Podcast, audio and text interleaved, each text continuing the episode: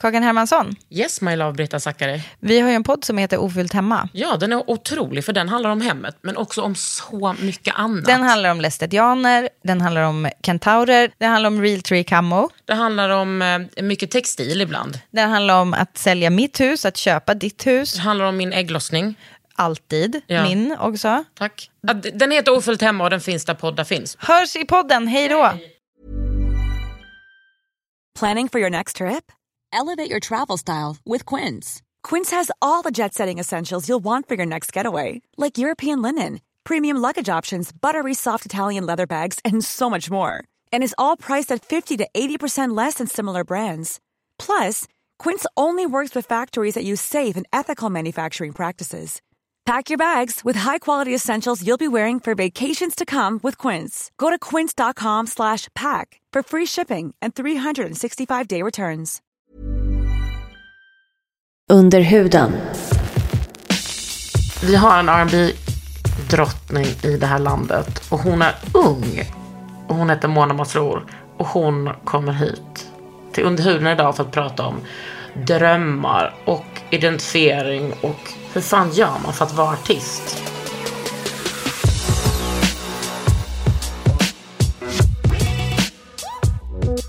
Är du född här? Ja.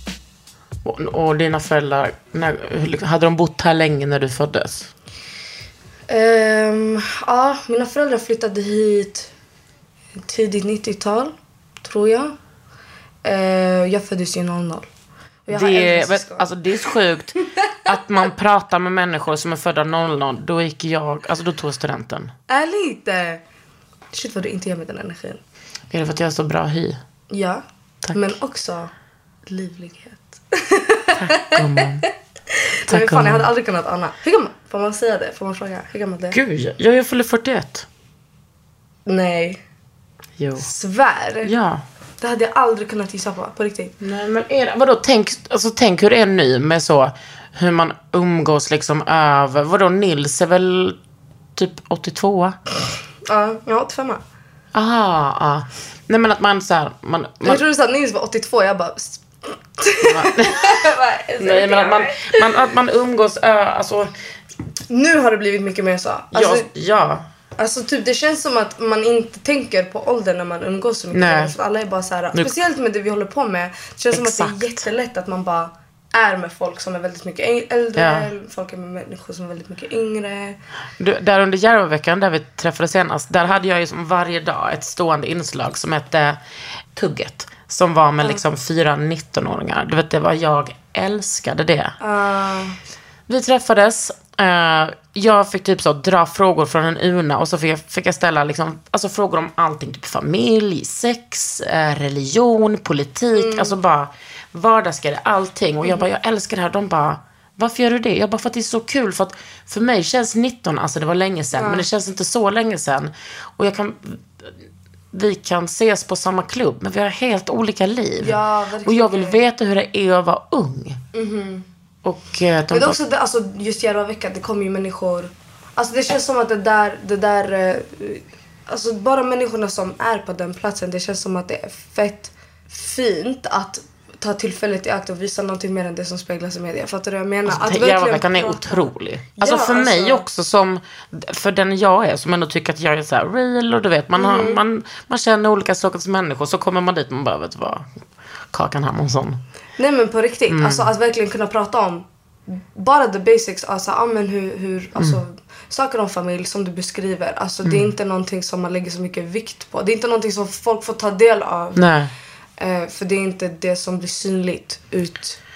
Nej, och, Alltså, och, andra. samtidigt så jag blev, man kan bli irriterad, eller jag blev irriterad att, det- att jag var tvungen att säga så här, jag hörde mig själv typ nästan utifrån. Jag bara, det är så fantastiskt med Järvaveckan, för man tror bara att så här, Järva är så här, skjutningar och typ småpojkar. Mm. Men det vadå, det handlar om allting. Företagsamhet, typ olika, eh, alltså mat, allting. Mm. Eh, och liksom hur miljö, det finns miljöaktivister. Jag bara, ja. Alltså jag, bara, jag vill inte ens Varför är vi så chockade över det här? jag så här, varför, alltså, varför försöker jag övertala någon om att Järva är det? Någonting mer än vad det framstår som. Jag vet och det är det som är så jävla hemskt typ. Alltså, det borde finnas mer sånt där. Vi har verkligen en vecka om året. Men den borde också vara tv-sänd och vi borde ha de här diskussionerna hela tiden. Ja, jag vet. Det är jättesjukt. Men jag tror folk är bekväma med att eh, tänka att, att ha en ensidig bild av förorten. Alltså. Men det är så. Men det, är, alltså, det är väldigt mycket tack vare media och, och alltså, just den här fyrkantigheten.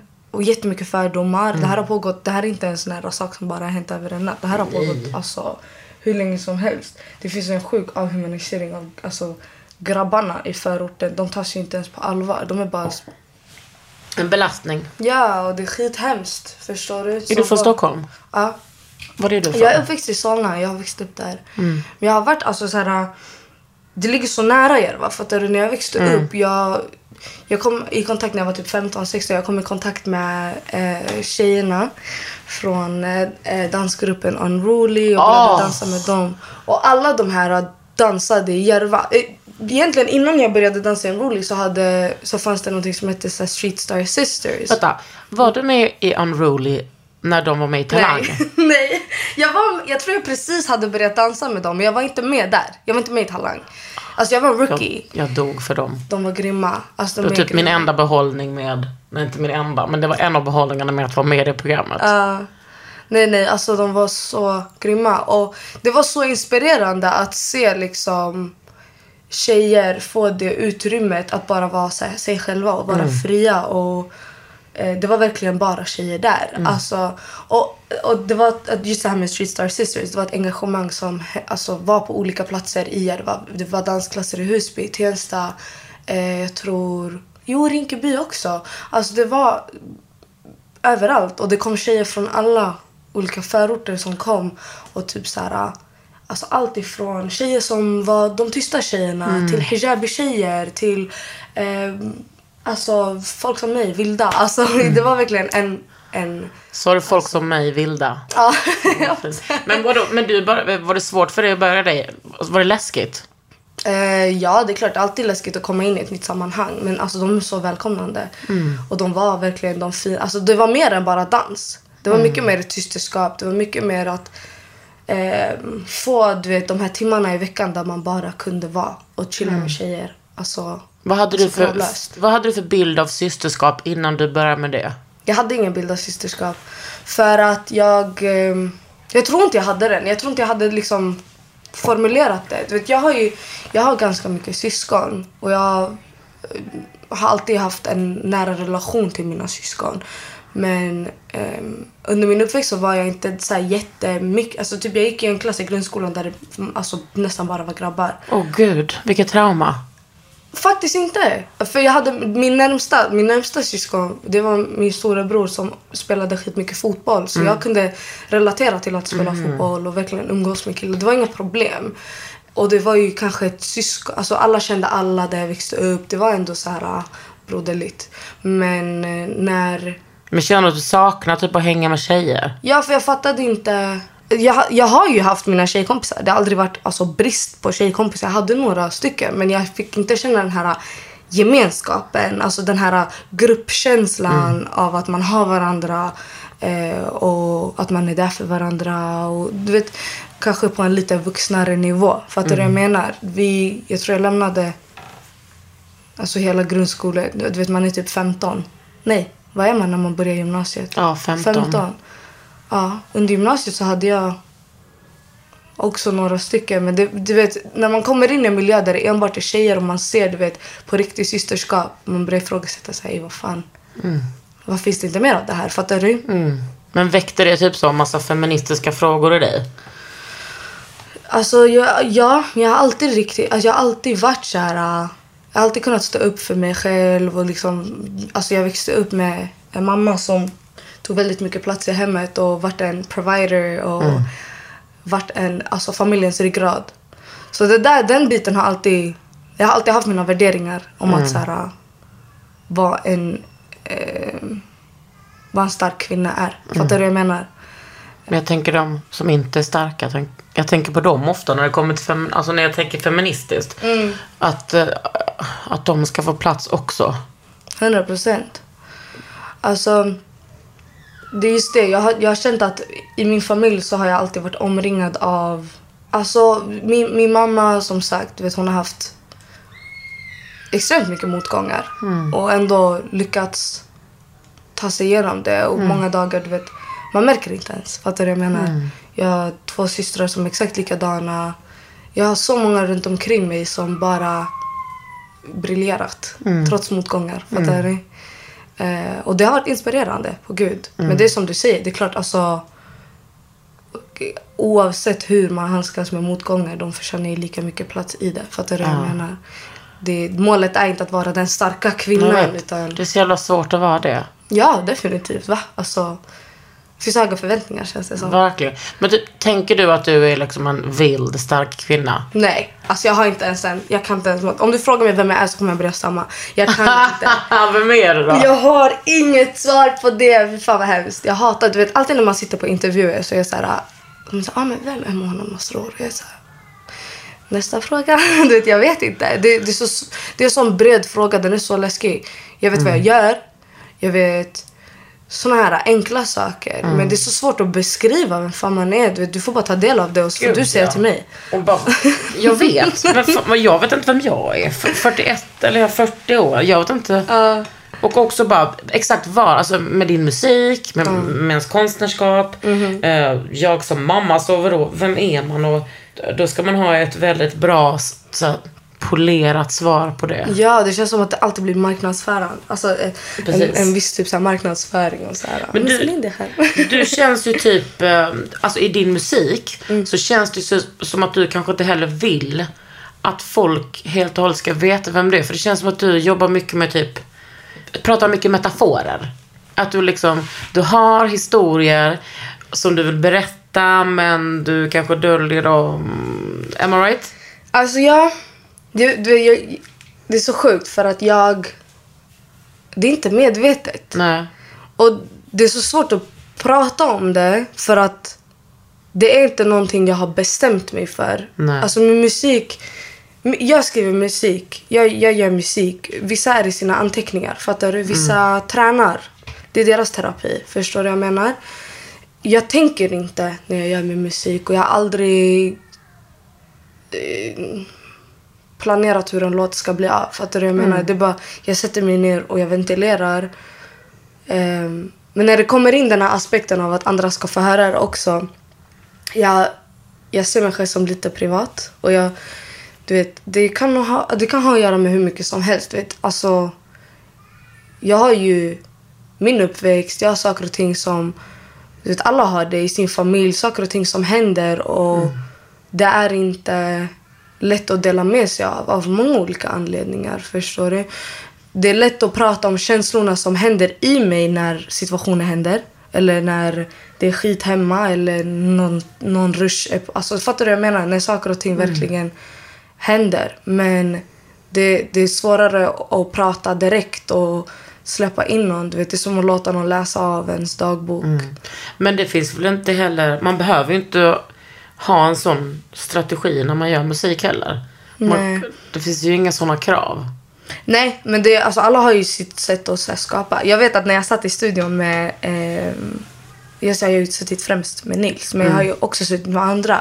Och jag har lärt mig att så här, folk gör verkligen musik på olika sätt. Och Ibland kan det finnas fler än bara du som ska skriva på en låt och alla vill vara med på, alltså, med, på vad som händer. Och Vi ska prata om det här och det är bestämt. Vi ska prata om kärlek eller vi ska prata om det här som hände dig då. Fattar du?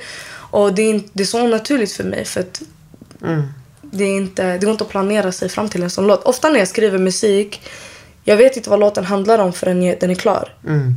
Men, nu, jobbar du mycket med Nils nu? Ja, Och, hur, och ni har hittat något slags sätt att eh, göra musik på? han låter mig bara skriva i fred. Ja, inget hets. Inget. Men Det- jag, jag tänker liksom så mycket med så här, du är född 2000, du liksom du är född i en, uppvuxen i en tid där allting bara är så ett klick bort. Själv fick man ju så här, ja det var ett kassettband. Ja. Som, det var något VHS-band som typ så eh, cirkulerade runt bland kompisarna. Alltså, obs jag hade CD också. eh, nej men att det var så här, alltså vårt tålamod eh, var gigantiskt. Eh, men för att vi inte hade något annat val. Men jag menar, du, du känns som att du tar god tid på dig. Ja, för att det fanns en period jag var skitstressad. Jag är inte en tålmodig, alltså jag är inte en person Nej. som är tålmodig. Det känns eh, liksom att, som att du är på gång. Jag hatar, tå- alltså jag hatar att ha tålamod. Att och vänta. Du vet, det är en sån stor del av eh, religionen också att ha sabbar och vänta. Och, alltså, jag kan inte. Alltså, jag är inte en av dem. jag har, alltså i början av det här, och, och anledningen till varför det känns så tryggt att jobba med Nils var att när jag kom in, när jag, när jag träffade Nils var jag 17. Och jag var superivrig. Jag hade aldrig suttit i en studio tidigare med en seriös producent. Alltså tänk dig, jag är 17, jag kommer med en ryggsäck från gymnasiet och han har vunnit Grammis. Och han har typ två, tre Grammis i sitt rum och en studio och han, är, han jobbar med mina idoler. Alltså det var en jättestor... Alltså, Och han hade typ ett, hört ett, de, ett demo. Så bra gjort. Exakt. Eh, Han hade hört en, ett litet klipp som jag la upp på Instagram. Och eh, alltså bara det gjorde att jag du vet, kände lite press och kände så här: okej men jag hade inga förväntningar på hur saker och ting går till. Fattar du? Eller hur lång tid saker och ting ska ta. Mm. Så jag sprang direkt. Like, jag hade suttit med honom i en månad och bara får jag inget album ute. Jag bara, Vad fan pratar du om? Alltså jag var Sa du det till honom? Ja, jag bara det känns inte som att vi har gjort så mycket i studion och jag har inte släppt någonting. Och han bara ursäkta men jag, vi har verkligen inte, alltså det, vadå en månad? Ska du? Alltså han bara ifrågasatte mig och jag bara Ja. wow, är det så här? För att i samma veva så var det andra människor som också liksom drog i mig och sålde in den här... Eh, att, alltså, det kom press utifrån. Det var mycket... Många som drog i mig. Och allt det där gjorde så att det, jag kanske hade fått uppfattningen av att saker och ting ska gå snabbare än vad det faktiskt gör. Och jag vet att om jag hade sprungit ett annat håll så hade jag släppt musik som jag absolut inte står för idag. Hur var det att säga nej till det fastän det måste ha lockat skitmycket? Ja, va? jag var skitivrig. Jätte, jätteivrig. Det var svårt att säga nej. Alltså, Men det var också så här... äh, Det var en trygghet. Alltså, jag kan inte beskriva det, men att komma in till eh, Nils studio och sättet han tog emot mig på. Det första han sa till mig var verkligen så här... Hallå, jag jobbar bara med vänner. Och jag bara, okej. Fan vad nice. Då vet man att det kommer finnas en respekt åt båda hållen. Han värdesätter mig och mina åsikter och mitt skapande. Mm. Och han är så lugn. Ja, jätteharmonisk människa. Det märks att han är från Norrland. Alltså verkligen. Verkligen. Men vad, vad, vad såg du framför dig då? När du kom med din ryggsäck där för gymnasiet, träffade Nils. Tänkte du bara, jag gör ett album på en månad, sen ska jag bli rb stjärna Move.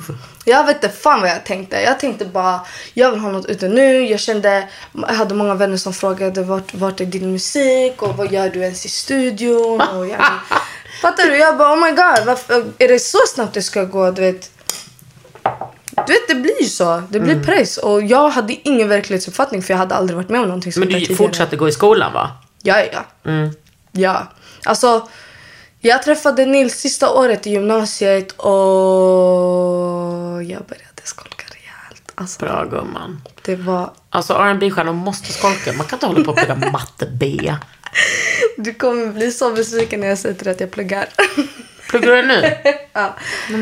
Jag vet, jag måste. Jag bygga matte B tre gånger. Du ser inte mig ha godkänt i det. Under huden. One size fits all seemed like a good idea for clothes Nice dress. Uh, it's a it's a t-shirt. until you tried it on. Same goes for your healthcare. That's why United Healthcare offers a variety of flexible, budget friendly coverage for medical, vision, dental, and more. So, whether you're between jobs, coming off a parent's plan, or even missed open enrollment, you can find the plan that fits you best. Find out more about United Healthcare coverage at uh1.com. That's uh1.com.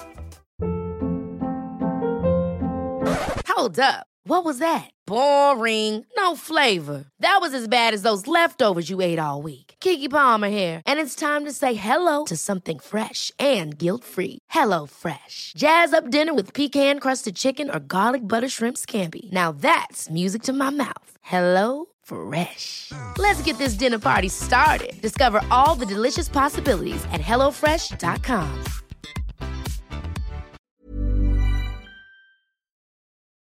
Nej men jag... eh, Det blev att man inte var i skolan så där jättemycket. För det kom en helt ny del in. Alltså, någonting man hade väntat på. Jag, hade ju, jag har alltid varit haft kärlek för musik sen jag var bebis. Så att äntligen komma till den platsen där du- är på en trygg plats och du har människor du kan vända dig till och du får äntligen skapa musik. Va? Alltså vadå gå och plugga historia? Alltså det fanns inte. Nej. Jag kommer ihåg att jag ljög för min mamma. Jag brukade gå hemifrån nio på morgonen. Åka till Nils studio. Vara där till fem. För jag brukade vara där som att jag var på skolan. Ah. Samma timmar. Och när fick hon reda på att du inte hade varit i skolan då? Min mentor ringde upp henne och bara man har inte varit på skolan i några månader. Typ några, två månader, en månad. Även om du var över 18? Ja, jag vet inte varför han gjorde det där. äh, Det var kanske bra. Men han, han fick ju inte göra det. Jag blev skitsur. Vad sa din mamma? Hon blev ju skitchockad. Hon bara, vad är det som händer? För jag har alltid varit ordentlig. Alltså jag har alltid varit såhär, gör det jag ska. Fattar du? Trodde hon att du hade börjat punda eller något? Va? Trodde hon att du hade börjat punda? Ja men det är ju det jag hade tänkt. Om Du jag bara, var- nej jag är R&B-stjärna mamma. Innerst inne finns det liksom en... Nej men hon kände sig fett trygg med Nils också. Hon ville bara att jag skulle kunna ratta båda. Fattar du? För att, alltså tänk dig, du vet, mina föräldrar kommer från Marocko. Det är andra omständigheter. Det är mycket mer kristänk. Du ska säkra din utbildning och ha någonting som du kan falla tillbaka på. Och det var typ det enda mina föräldrar, eller min mamma, ehm, för, ville säkerställa. Hon var såhär, du kan bli vad du vill. Ingen, ingen är här för att begränsa dig eller hindra dig från något. Men det är så viktigt att ha någonting som du kan känna i stabilitet. Och jag fattar det. Sen har jag inte alltid hållit med om det. Men jag förstår vart det kommer ifrån. Fattar du vad jag menar? Men vad hade du för vision av dig som musiker? Alltså hur, hur såg bilden ut? Alltså eh, liksom om du, om du fick drömma. Håll in... Då eller nu? Då. Jag hade ingen.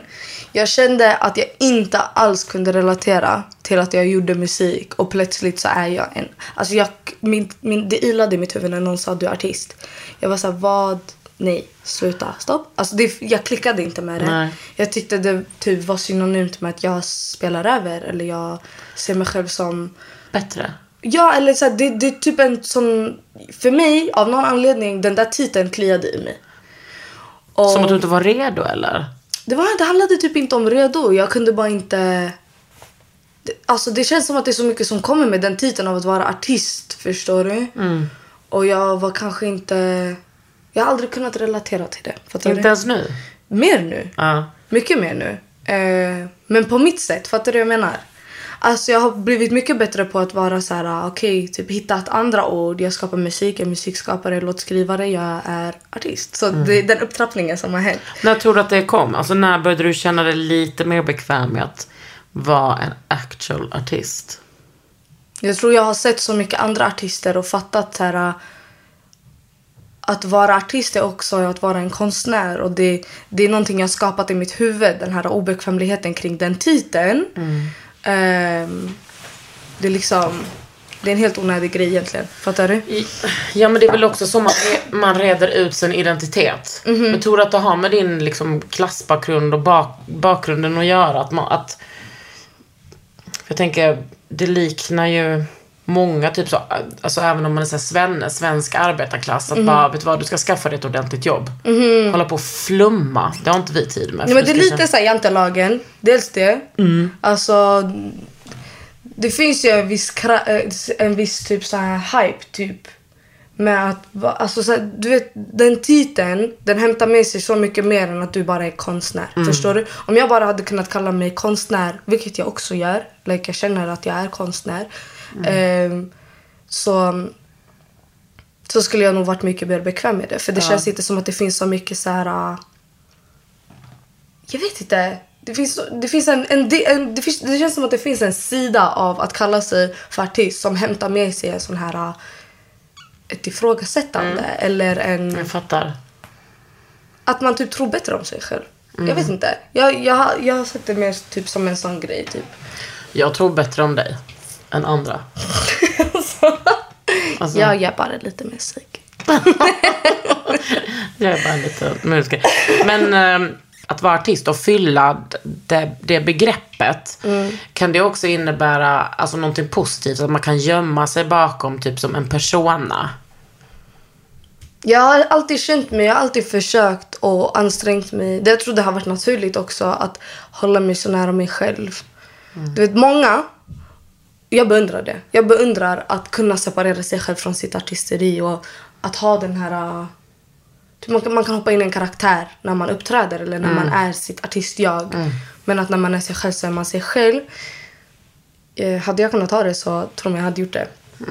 Men det kom inte naturligt för mig att separera på mig själv. Jag har alltid typ...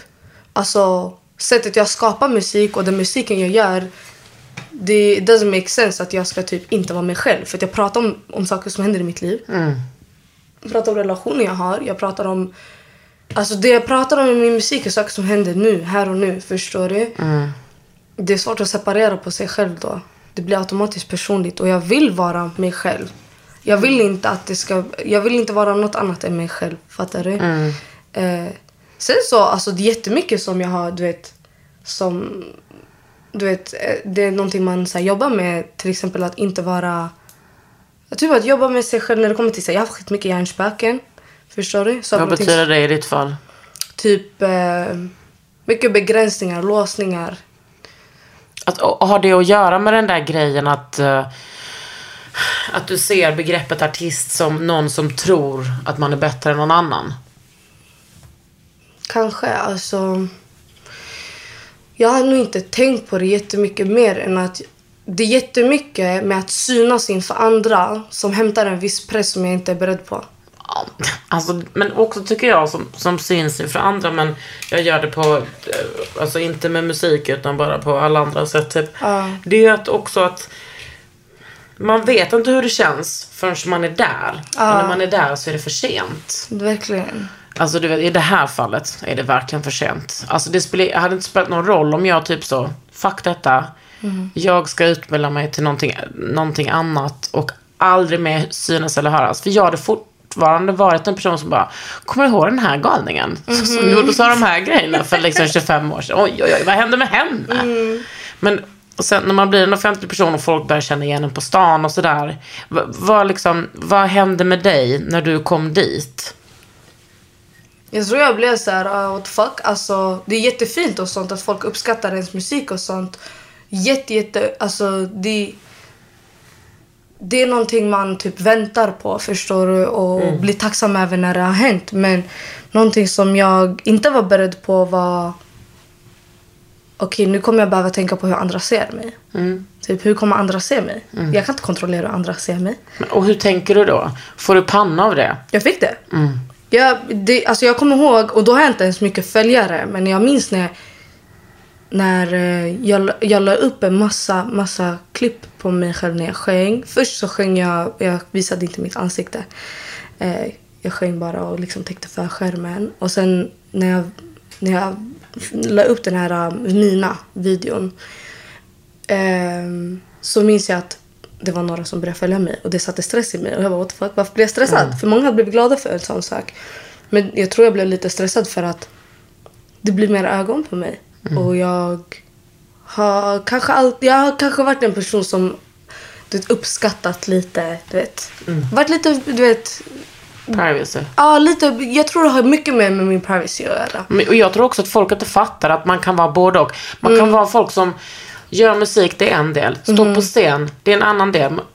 Men också att man har det där enorma behovet av att få välja när man ska vara den personen. Ja. Det var faktiskt Fatima som sa det jättebra. Jag minns när vi, vi hade det där Alltså Jelassi. Ja, exakt. Jelassi. Eh, vi pratade då i Järvaveckan och vi hade ett snack om saker och ting som har varit otippat eller saker och ting som har varit oväntat när det kommer till att göra musik och dela med sig av saker.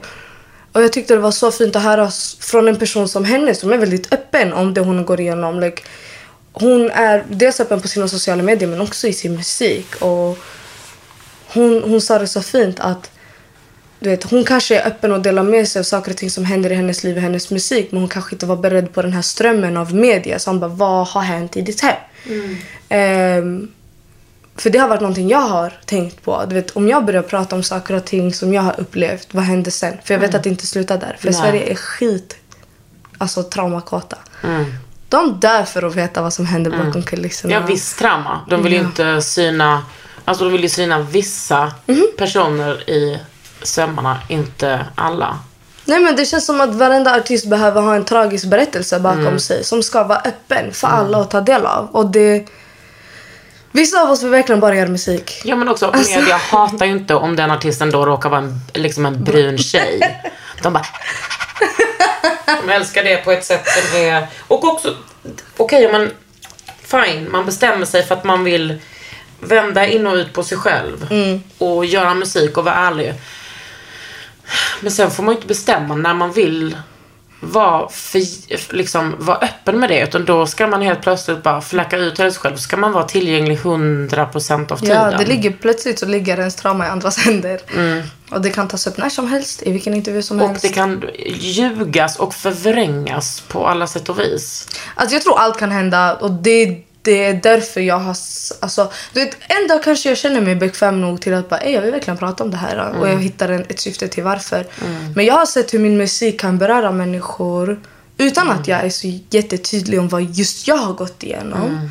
Eh, Och går in på detaljer om det eller har intervjuer om det. Visst, det kanske hade hjälpt någon ännu mer men Fast vi som lyssnar på er, eller på dig och på liksom, alltså på Jelassi och sådär. Vi, vi gör ju också våra egna historier. Vi lyssnar, vi tolkar. Och det är det som är det fina med musik och det störiga. Det är verkligen mitt, no, alltså någonting jag har velat. Du vet, när, jag, när jag var yngre och lyssnade på musik, jag kommer ihåg att jag kände en massa saker. Jag visste inte vad jag kände, jag visste inte vad jag gick igenom. Jag kunde inte sätta ord på mina känslor eller tankar. Och jag kunde lyssna på en låt som bara sa en massa saker som jag bara, ey, de här orden är verkligen, de, de talar typ åt mig. Och även om den här artisten pratar något helt annat, det, det behöver inte spela någon roll. Jag kan relatera på ett helt annat sätt just nu. Och det är någonting jag uppskattat när jag får de här äh, långa meddelandena om vad som händer i de här unga tjejernas alltså, liv. Och jag är så här, äh, hon har verkligen fattat låten och jag har inte ens sagt något än. Fattar du?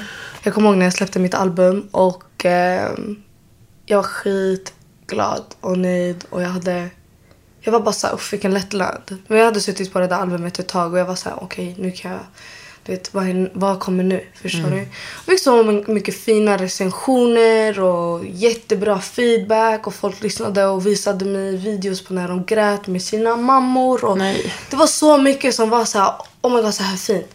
Och så minns jag att det var en jävel som bara skuttade in i min DM Skuttat in. Ja, och det var en... Satt och skrev alltså en bibel till mig.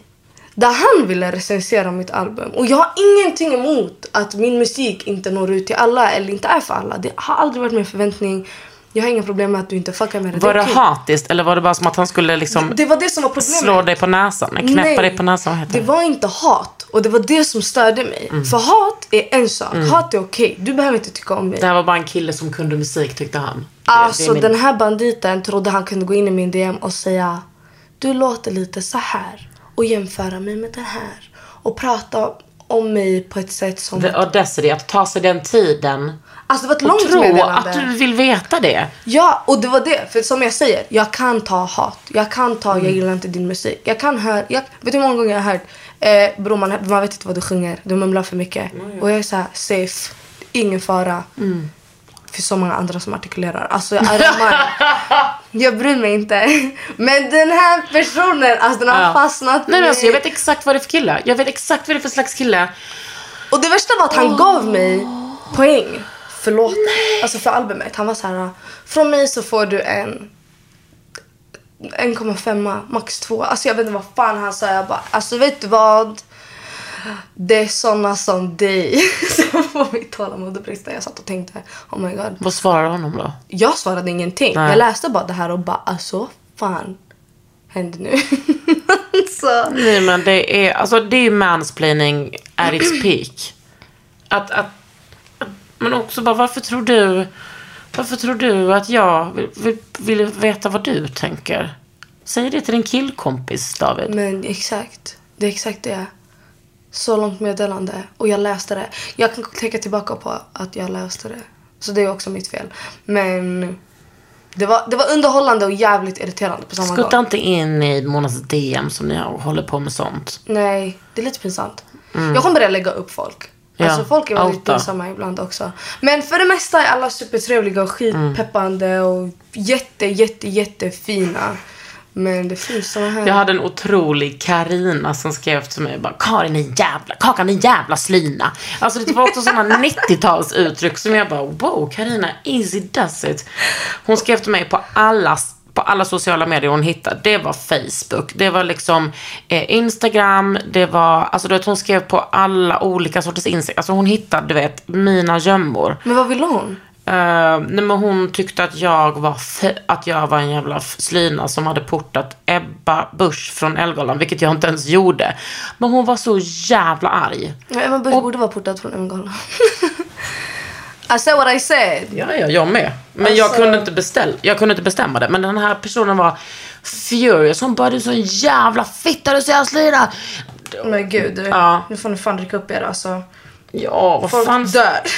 Folk dömer, vadå? Typ så, skaffa er en hobby, typ sticka, gå på ja, bowling. fan alltså. Gör någonting otroligt. Måla akvarell. Men också, alltså, jag tänker såna här människor behöver verkligen en dusch, kall dusch och bara dricka Mm. vatten och bara så här focus on yourself. För att så här sur kan det fan inte ha gjort dig. Att, Fast vet du vad? Också, vissa behöver år av terapi. Karin, Karina. Karina. Karina behöver det. Men du, jag undrar lite, vad, vad, ska, hända, vad ska hända nu i framtiden då? Med Moana. Oh my god. Tänk att vi har liksom fått the blessing av dig. Nej, it's my blessing. Jag eh, jobbar på ett nytt projekt.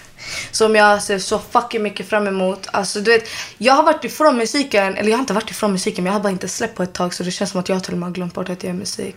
Men vad har du gjort, vad har du gjort om dagarna då? Ja, Pluggat matte B? Absolut inte. Jag har suttit i studion. jag har jobbat, jag har jobbat, jag har jobbat. Det är bara att, du vet, jag, jag har nu musik på gång. Det kommer jättesnart. Kan du försörja dig som musiker? Eller behöver du ha extra jobb? Nej, mår bra. Oh my god. är inte det helt otroligt? Alltså du är artist Maud. nu får du bara, nu får du bara acceptera det. Jag vet, jag måste fan göra det. Wow. Jag gör det. Jag, jag har blivit ett med tanken. Det känns skönt. Ja. Men jag har ny musik på gång. Jag ser fram emot att folk ska få höra det. Jag har varit ifrån hela grejen på ett tag. Och det känns skönt att ha kunnat fokusera på att spela. För jag har inte fått den delen heller. För att corona var ju... Ska du göra det nu i, eh, i sommar? Ja, jag har lite spelningar. Jag har haft spelningar nu under våren och lite under hösten och lite under sommaren. Så det har varit mycket det som har tagit mitt fokus. Och att sitta i studion. Men Med Nils? saker ska ut. Ja, precis. Men du jo- jobbar du mycket med Lina och Jelassi? Ja, vi, alltså, vi jobbar ju ihop. Alltså, det är alltid någon i studion som man blir inspirerad av. Fattar du vad jag menar? Det blir lite som en verkstad. Fattar du vad jag menar? Ja. Så jag gör musik, så har man någon annan där som bara oh my god, det här är fett. Och så blir det mixmatch av allt. Vi peppar varandra. Alltså det där, du vet när musiker berättar om att man har så här sessions, alltså det är det läskigaste jag kan tänka mig någonsin. Varför? Men vadå, var inte det läskigt när du började med det? Jo. Alltså man bara, här jag ska bara skära upp mitt inre och blotta mig. Jo, oh my god. Men vet du vad jag och Nils gjorde väldigt mycket av? Vi pratade fett mycket innan vi började skriva musik. Alltså ni kom nära varandra. Ja, vi chillade, vi lärde känna varandra, Mm. vi pratade lite om, alltså... Det blev väldigt broderligt fett snabbt. Mm. Alltså, Tror du att om ni inte hade fått den connection, tror du att det hade varit omöjligt för er att göra musik då? ja, för jag har testat att göra musik med människor jag inte har den connectionen Mm. med och det blir jävligt tråkig musik. Alltså, det blir fan inte nice. Nej. Ehm,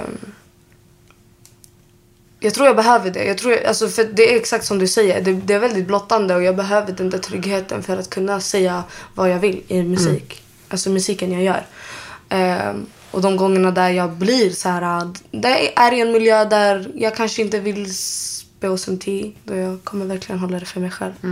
Och så börjar jag prata om tråkiga saker istället. Perfekt. Tror du att Sverige är liksom mottagligt för så här, ny R&B? Till viss del, ja. Jag tror, jag tror folk är väldigt så här, öppna. Du vet, många gör mycket saker just nu som är väldigt vågade. Vi ser folk som gör hiphop sjunga. Alltså det är fantastiskt. Men Lina känns ju som att hon är som någon fusion. Hon är allt. Ah. Hon är allt möjligt. Hon är pop, R&B, rap. Hon är så du vet, fluent. Jag kan inte sätta henne i en kategori. Ehm, och hon är jätte, jätte, jätte begåvad. Och cool. Skitcool. Alltså hon är så cool. Hon är bäst. så coola. Du är cool och bäst. Tack men alltså, men alltså ni är så coolt. När jag träffar er på Järva jag bara nej men jag orkar inte. Ni är så coola. Och gud där kommer de coola ungdomarna. Men jag kände också, jag kände också fan vad gött. Tänk att det är så här vår framtid ser ut. Tack. Det är Skitfint, underbart. Tack. Kan man se dig någonstans i Stockholm i sommar? Eh, ja, två gånger. Nej, jo, två gånger. En kan jag faktiskt säga. Ja. Men den andra vill jag inte gå ut med. Okej. Men det är ehm, på Ladies of Hip Hop festivalen på Trädgården. Och när är det? Det är i augusti. Slutet av augusti. Uff, du ser mig. Nej, du måste komma. Det är den sjukaste line-upen jag har sett i Stockholm på ett Mm. jävligt bra tag. Alltså shoutout Ladies of Hip Hop. Vem är det då? Det, det är jag, det är Mira Maid, Stefflan kommer, Amaria, Bibi, Darko. Va? Alltså snälla, det räcker. Jag kommer sjunga snabbt och sen kolla på alla andra. Mona Masrour, oh my god. Kan inte fatta att du har varit i min podd. Du har lyssnat på Under huden med mig, Kakan Hermansson och... Mona Masrour. Jajamän.